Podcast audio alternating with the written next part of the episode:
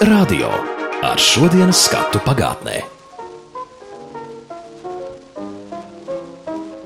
Pirmā pasākuma pārraide tiešajā ēterā bija tad pat, kad piedzima Latvijas radio, proti 1925. gada 1. novembrī. Notiek pieslēgums operas namam, kur radiofons translē Pučīni operu Madame Butterfly. Radiofona dibinātājs inženieris Jānis Linters vēlāk savās atmiņās raksta, ka par šo pieslēgumu radiofons ir samaksājis 500 latu, un līdz ar to krājumi no iekasētās abonēšanas maksas bija izbeigušies. Tāda lieta kā radio pārvadājumā ierakstu studija parādījās 1936. gadā. Radiofona rīcībā nonāca aparatūra, ar kuras palīdzību reportāžas tekstu un skaņas ierakstīja vaska platēs. Šādu ierakstu varēja tūlīt atskaņot, taču plates izmantošanas laiks bija ļoti mazs. To varēja lietot aptuveni no 10 līdz 12 reizēm, līdz plate nodila. Ierakstu aparatūra bija liela, un to pārvadāja ar autobusu, kura attēlu arī jūs, klausītāji, varat atrast radio interneta mājaslapā pie šī raidījuma apraksta. Dubļos iestidzis gaišs busiņš, rotāts ar uzrakstu Latvijas radiofons, un to draudzīgā bariņā stumj bērni un pieaugušie. No tiem laikiem līdz mūsdienām tehnikas attīstībā ir noticis milzu lēciens. Nu skaņa tiek raidīta pa gaisu caur satelītu, taču vēl aizvien translācijas brigāde ir atkarīga no dabas, no laika apstākļiem un reizums no dzīvniekiem. Par to arī runāsim šajā raidījumā, kura ieraksts tapa nesen notikušajos Ziemeļu un Baltijas valstu dziesmu svētkos, un kurā runāsim gan par raidīšanas smalkumiem vēsturē, gan arī tagadnē. Busiņš ar daudz vadiem un bez šķīvja veido visu skaņu, lielā pults, būsiņā ir iekšā visa aparatūra. Tur pienāk skaņa no visiem mikrofoniem. Šajā gadījumā ir dziesmu svētkos apmēram 60 mikrofoni. Šajā būsiņā var teikt, ir radio modernākā tehnika ar digitālo pultu un visi mikrofoni, visi tie daudzie, 60 pienāk par šo mazo. Vienu parastu tādu diedziņu, kabelīti, tādu kā ikvienam mājās. Agrāk tie bija ļoti daudz vadi. Tagad par šo optisko kabelīti mazo viss pienāk. Tad mēs to skaņu samiksējam, un pa vādu nosūtām uz otru būsiņu, kuram ir šķīvis, un tas to skaņu raida caur satelītu ēterā. Kā saka, caur kosmosu nonāk ēterā. Kosmos. Un, ja jautājums, kāpēc viens busiņš ir šeit un otrs ir pilnīgi otrā Jā. pusē, Tas ir tāpēc, ka viņam ir jāstāv tur, kur viņš var dabūt savu kanālu uz satelītu. Jo tas nav jebkurā vietā, kur ērtāk nolikt, kur netraucēs nevienam, bet tieši tur, kur tas ir vajadzīgs. Tur, kur ir kā saka, sasniedzams debesis, Jā, ja tā, tā ļoti vienkārši. Kur ir redzams satelīts, varētu teikt tā. Jo šeit mums nolika vienkārši tāpēc, ka te ir televīzija, mums ar viņiem arī jāsaistās un ir ērtāk. Bet savukārt mums tā problēma ir tāda, ka mums tā skaņa jāizvelk uz to satelītu. Ja tev interesē, pēc tam mēs varam to trasi pat iziet pa estrādes apakšu. Jā, labprāt! Tā ekskursija ar skaidrojumu sāk skaņu inženieris Aivars Štengelis, kura pāraudzībā ir ieraksta autobuss. Neskaitāmi vadi kā astu bunte stiepjas no busiņa aizmuguras pa meža parka lielās estrādes gaiteni uz otru radiobusu, kurš ir aprīkots ar satelītu uztvērēju, lielu šķīvi uz auto jumta. Mēs ar Aivaru, vadiem pa pēdām, dodamies tā virzienā, un pa ceļam mans kolēģis stāsta par dabas ietekmi uz translāciju. Ir ļoti daudz traucējušu faktoru. Vējš, pērkons, mēs varam censties gatavoties, bet ja uznāk, piemēram, negaiss vai stiprs vējš, tas iepūš mikrofonos, Te putnu būrīši glabājās. Es nezinu, vai to drīkst atklāt radio klausītājiem, bet es domāju, ka putnu būrīši nav nekāds militārs slepens objekts. Mēs dodamies tālāk. Mēs Jā. esam pēc strādes iekšā, pa tumšo gaiteni, pagrabu iznākuši Jā, otrā pusē. Tā skaņa mums jāvāk uz šejien, tāpēc, lai mēs to piegādātu Jānim, satelīta mašīnai, kura nodrošinās tiešraidi. Pat ir bijis tā, ka viņš nodrošina translāciju kādā vietā. Un pēc tam apstākļi mainās, piemēram, kokiem saplaukst lapas vasarā, un vairs nevar tajā vietā stāvēt, jo tas signāls ir aizsakts un atkal jāpārbrauc citā vietā. Jānis Finkenfūss ir satelīta busa saimnieks. Sēž pie nelielas pults, priekšā mirgo skaņu līmeņa monitori, un arī uz datora ekrāna ir redzama skaņu līkne. Radio sāk strādāt 76. gada 2. augustā. Es atceros, pirmā translācija man bija no Daugavas stadiona futbols. Un bija mums kolēģis, bija tāds Kandrāķevs, tev jāiet uz futbola translāciju.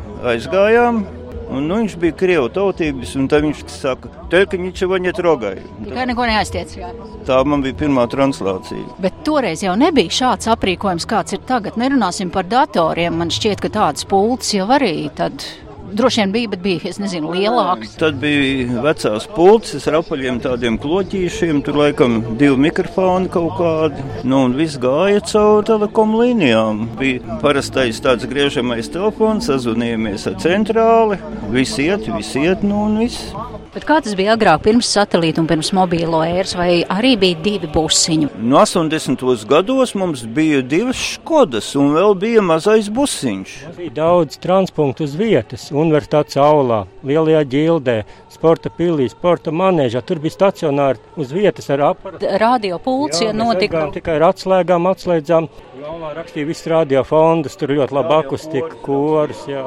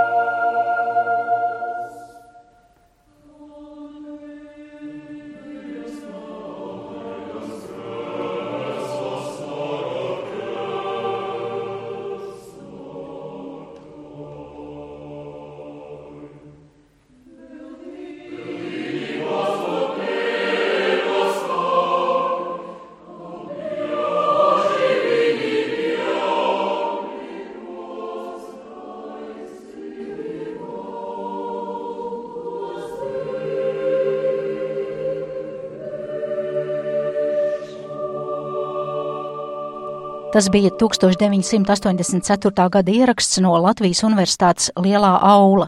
Dziesmu kā sniegi galnu galotnēs izpildīja Latvijas radiokoris. Bet skaņu inženieris Aivars Štengelis turpina atminēties jaunāko laiku vēsturi. Es jau radio strādāju vēl tajos laikos, kad nebija ne mobilie telefoni, ne internets. Savā ziņā tas pat bija interesantāk nekā tagad. Jo, jo tagad, piemēram, vajadzīgi ir kādi trokšņi, strautiņš vai pērkons. Atver datoru, iet internetā, paņem.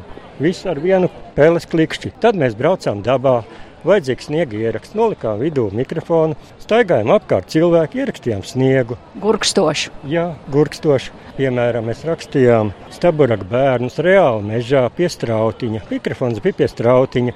Bērni, aktieri, visi mežā. Tas bija kolosāli, putniņi dabīgi, visi. Ziem tev gan laikam māte māca ābeci. Ābeci? Nē, es taču vēl esmu mazs. Cik tev gadu? Es nezinu.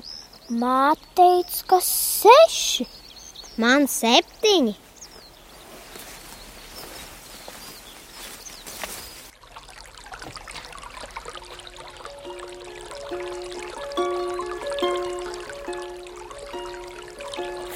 Avotā ūdens vienā tā tek? Nu, zināms, dienu un nakti Ziema un vasara tikai vasarā ūdens augsts, bet ziema silts. Dāngavā ir sauss, bet avots nē. Rau, rau, kas tur tā spīd? Tu jau runā par iestudējumiem, bet šeit jau nevajag neko ierakstīt. Te jau visu čālu dzird. Ar tiem putniņiem ir tagad, piemēram, pirms pāris dienām mums bija koncerta ieraksts dzintaros, simfoniskā mūzika, tiešām skaisti putniņi arī čivināja fonā. Šajā gadījumā tie bija tādi patīkami putniņi, bet ja tās būtu gluži vārnas, tad tas varbūt nemaz tā neiederētos. Es gribēju prasīt, kas notiek, ja kāda kaija vai vārna lūk uzsēž te uz tā satelīta šķīvja uz busiņu jumta, vai tā ir gadījies, un tā viņi izpaužas vokāli? Cik es zinu, gluži tā nav bijis, bet mums ir bijis cits gadījums, kad mušas uzsēžas uz mikrofona. Folkloras ierakstos mēs pie folkloras teicējām mājās, lauku sētā. Noliekam lielo mikrofonu istabā, nu tik sāksim rakstīt. klausamies mašīnā. Tur praktiski izklausās, kad lidmašīnas vai helikopteri paceļās un nolaižās. Bija tā, ka visas lielās lauku mušas uz tā mūsu mikrofona sasēdušās. Tad nācās ar to cīnīties, kas arī nav vienkārši. Arī mums notiek kora avesoli ieraksts, Anglikaņu baznīca. Klusa dziesma, viss skaisti. Aiz baznīcas loga, kā jau pavasarī, pūtni čivina, Tas jau ļoti skaisti, bet diska ierakstā tas tomēr neder. Un tad visa brigāde, mēs diriģenta Andra Veismaņa vadībā gājām, izdzenājām tos pūtniņus pa krūmiem, un tad varējām turpināt. Tāds pats gadījums bija, arī tas bija senāk, ērģeļu ieraksts baznīcā, laukos, neatceros, kurā vietā cienījamais skaņu režisors Jāzeps Kulbergs bija. Un sienāži krūmi gar baznīcas logiem, un ļoti skaļi sāk čīgāk sienāži. Un arī nu, ieraksts jāaptur, nav variantu. Gājām pa krūmiem, bet ko tur daudz izdzenās to sienāšu. Tā kā gadījumi ir bijuši daudz interesanti. Ar to putnu stāsti vēl nebeidzas. Izrādās, ka abiem skaņu inženieriem, Aivaram un Jānim, krājumā ir vēl kāds par zīlīšu kāri uz izolācijas lentu. Šeit arī agrāk mēs likām dziesmu svētkos milzīgus mastus ar mikrofoniem. Viņiem arī bija speciāli tādi lieli vējsargi. Un atceros, senos laikos mums vēl priekšnieks teica, tikai neko nestipriniet ar zilo izolācijas lentu, jo to knābā zīlītes. Un zīlītes sāk knābāt, un mēs klausāmies, nu kas tur notiek. Tik, tik kāds sit nu tā pa to mikrofonu, skatāmies putniņš. Tieši to zilo. Kaut gan viņi jau neko, es saprotu, vējši var būt daudz eh, nopietnāks traucēklis, ja spēcīgs vējš mikrofonā iepūš. Nu, principā mēs jau liekam tādus pašus kā tev vēja sardziņš. Šī švammīte, ja? Jā, nu jā. tā švammīte, nu, vēju aizsargā. Ja uznāk lietus un vējsargs ir piemirts tāpat kā dušā šo švammu, to ņem to vējsargu un to porlonu izgriež tā žāvē. Vai? Tā arī žāvē. Vai met ārā un pērk jau? mašīnā, tanī Škodā. Ja mums salīja mikrofonu, mēs viņus noņēmām pēc koncerta, kā tu saki, izgriezām švamītes, un mums bija Škodā sildošā grīda, nolikām ar visiem mikrofoniem. Jo tur jau arī tomēr kaut kas tiek mitrums iekšā, un līdz rītam viņš bija savs izžuvis. Likām atpakaļ, un nākošā dienā strādājām. Tu jautāji par seniem laikiem. Atceries, Jāni, bija senos laikos, kad bija sevišķi svarīgās translācijas no komjaunatnes, toreiz krastmalas saucās. Tad bija speciāls būsiņš tikai priekš diktoriem iekārtots. Jā, speciāls būsiņš un tehniskā mašīna bija atsevišķi. Un tad tur sēdēja iekšā atsevišķi tikai diktori. Neviens... Tikai diktori. Tikai diktori. Tur bija tātad divi vai trīs diktori un vēl viesie mikrofoni. Tas tika speciāli mikšēts. Un viņiem pat vēl lika, man liekas, tur kaut kāda apsildīšana iekšā. Gāzēto ūdens sifonus nesa. Un vēl bija tāda nianses, ka tās mašīnas bija apvilkts ar lentīti, lai gadījumā kāds no tautas nepienāk svarīgajā tiešraidē un nepasaka kaut ko, kas nav paredzēts. Tā kā tajos laikos zināja gan kurš runās ēterā, un laikam arī to, ko runās. Es tā domāju. Tās bija valdības translācijas. Jā. Tomēr šis busiņš nu, nav tāds īpaši ikdienišķs, un jūs stāvat parasti ļoti tuvu pie estrādes. Cik liela ir garām ejošo cilvēku interese? Nezinu, varbūt tautumētas nāk iepazīties vai zinkārīgi puišeļi un, un, un vai, vai kā. Tautumētas parasti tā kā iet šitiem tonētajiem stikliem garām, viņas e, taisa savus frizūrus. Ā, te var labi lūpas nokrāsot un jā, paskatīties, jā, vai jā. biza nav attirus. Jā, vēl ir bijis garām, ka iet kāds cilvēks un jautā, vai можно передать привет ēterā? Sveiciet! jā. jā, Tiešais ēters. Tava pārteikšanās izskan publiski. Runājot par tehnisko attīstību, satelītu uztvērēji radiorīcībā ir aptuveni 15 gadus. Taču, piemēram, pagājušā gadsimta 50. gados tehniskais aprīkojums šādiem ierakstiem ir bijis visai pieticīgs. Kā Radio 75. jubilejas grāmatā varam lasīt skaņu inženiera Ulda Mazvērsīša atmiņas, tad tolaik translācijas ir notikušas visai bieži, gan no Rīgas teātriem, gan operas, gan filharmonijas, un ir bijušas reizes, kad nepieciešamās translācijas aparatūru autotransporta deficīta dēļ uz tuvējiem teātriem vai filharmoniju ziemas laikā pārveda ar ragaviņām. Tā teikt, lēti un droši. Vēlāk, 80. gadu otrajā pusē, piešķirtie firmas Škoda busi ierakstiem kalpoja labi, taču ir radījuši pārpratumus citu cilvēku acīs. Pašas pirmās skodas, lielās čehu skodas bija tādi gari būsiņi, un tajā laikā no tādiem arī šādi tad varbūt arī atceries pilsētā pārdeva zīvis dažreiz, un bija arī rengena būsiņi, kas braukāja pa Latviju, pa laukiem. Fluorogrāfs, rengens pārbauda. Bija tāds škodas sarkans ar baltu, un mēs ar tām braukājām pa lauku kultūras namiem uz ierakstiem. Un vienreiz bija tāds gadījums, arī atbraucam, pieslēdzam elektrību, sāksim strādāt, iekāp viena sieviete, skatāmies viņa. Sākumā neko nejautā, sāk tā kā ģērties nost, jautā, kad te jūs sāksiet strādāt.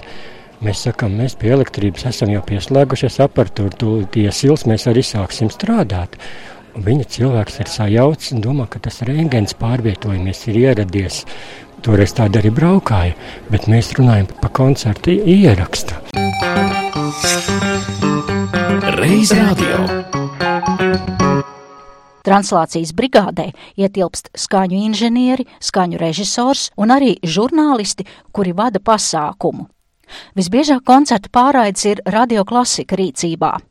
Arī šajos Ziemeļu un Baltijas valstu dziesmu svētkos līdzās satelīta autobusam pie maza galdiņa ar mikrofonu rokās sēda programmu vadītāji Edgars Ragīnskis un Inta Pīrāga. Vaicāju Intai par sajūtām vadot šādus translējamus pasākumus.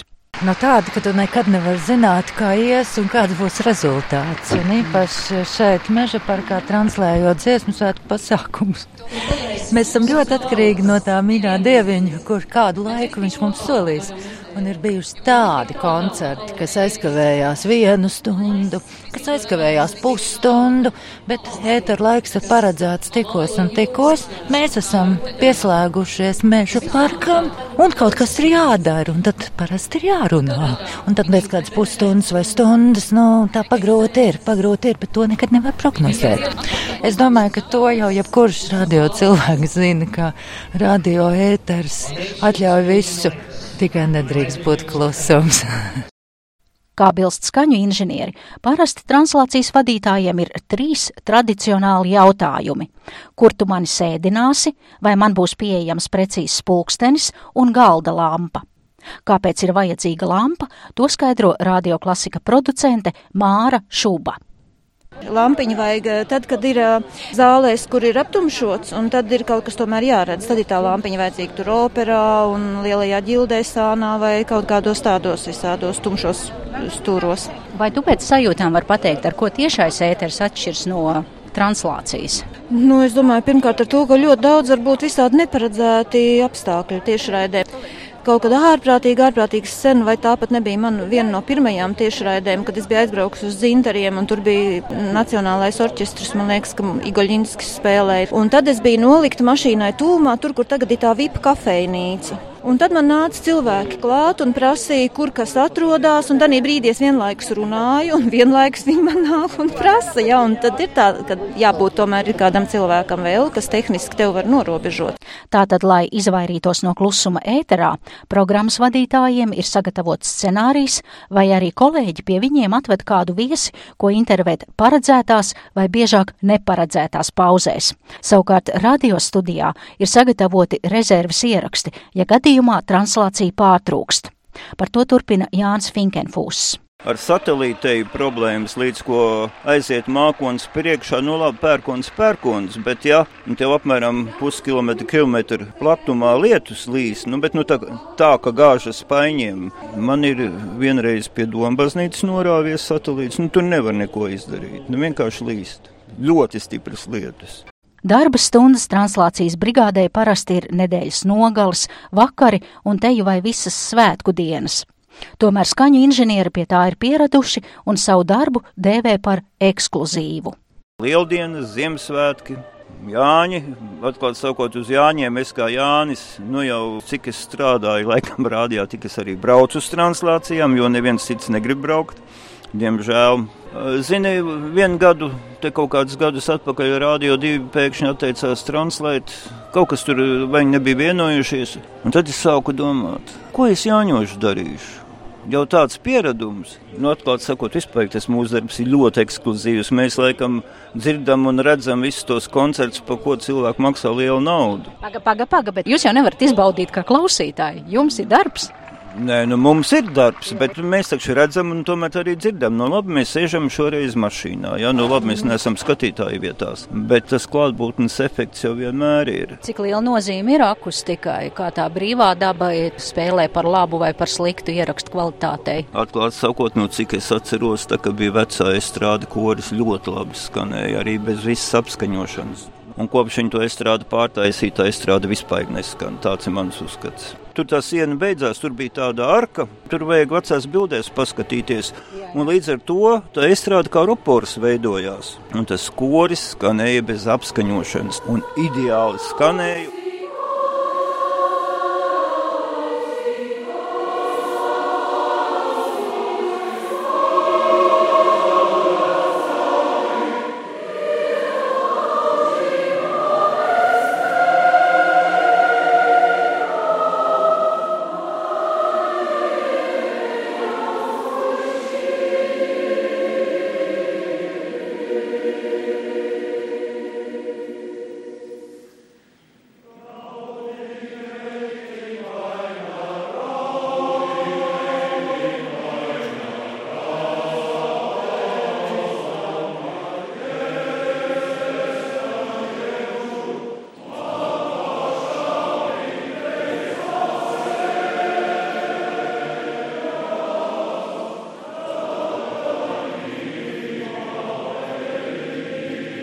Ar šo 20. vispārējo latviešu dziesmu svētku ierakstu, kas tika ieskaņots 1990. gadā, izskan reiz radio, un tajā pat translāciju stāstīja skaņu inženieri Aivars Štengels un Jānis Finkenfūs, kā arī radio klasika pārstāvis Māra Šuba un Inta Pīrāga.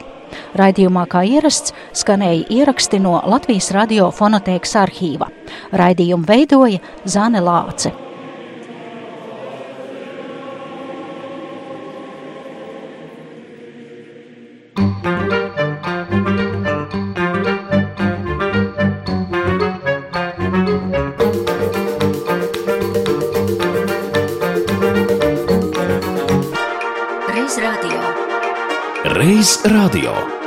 Šodienas skatu pagātnē.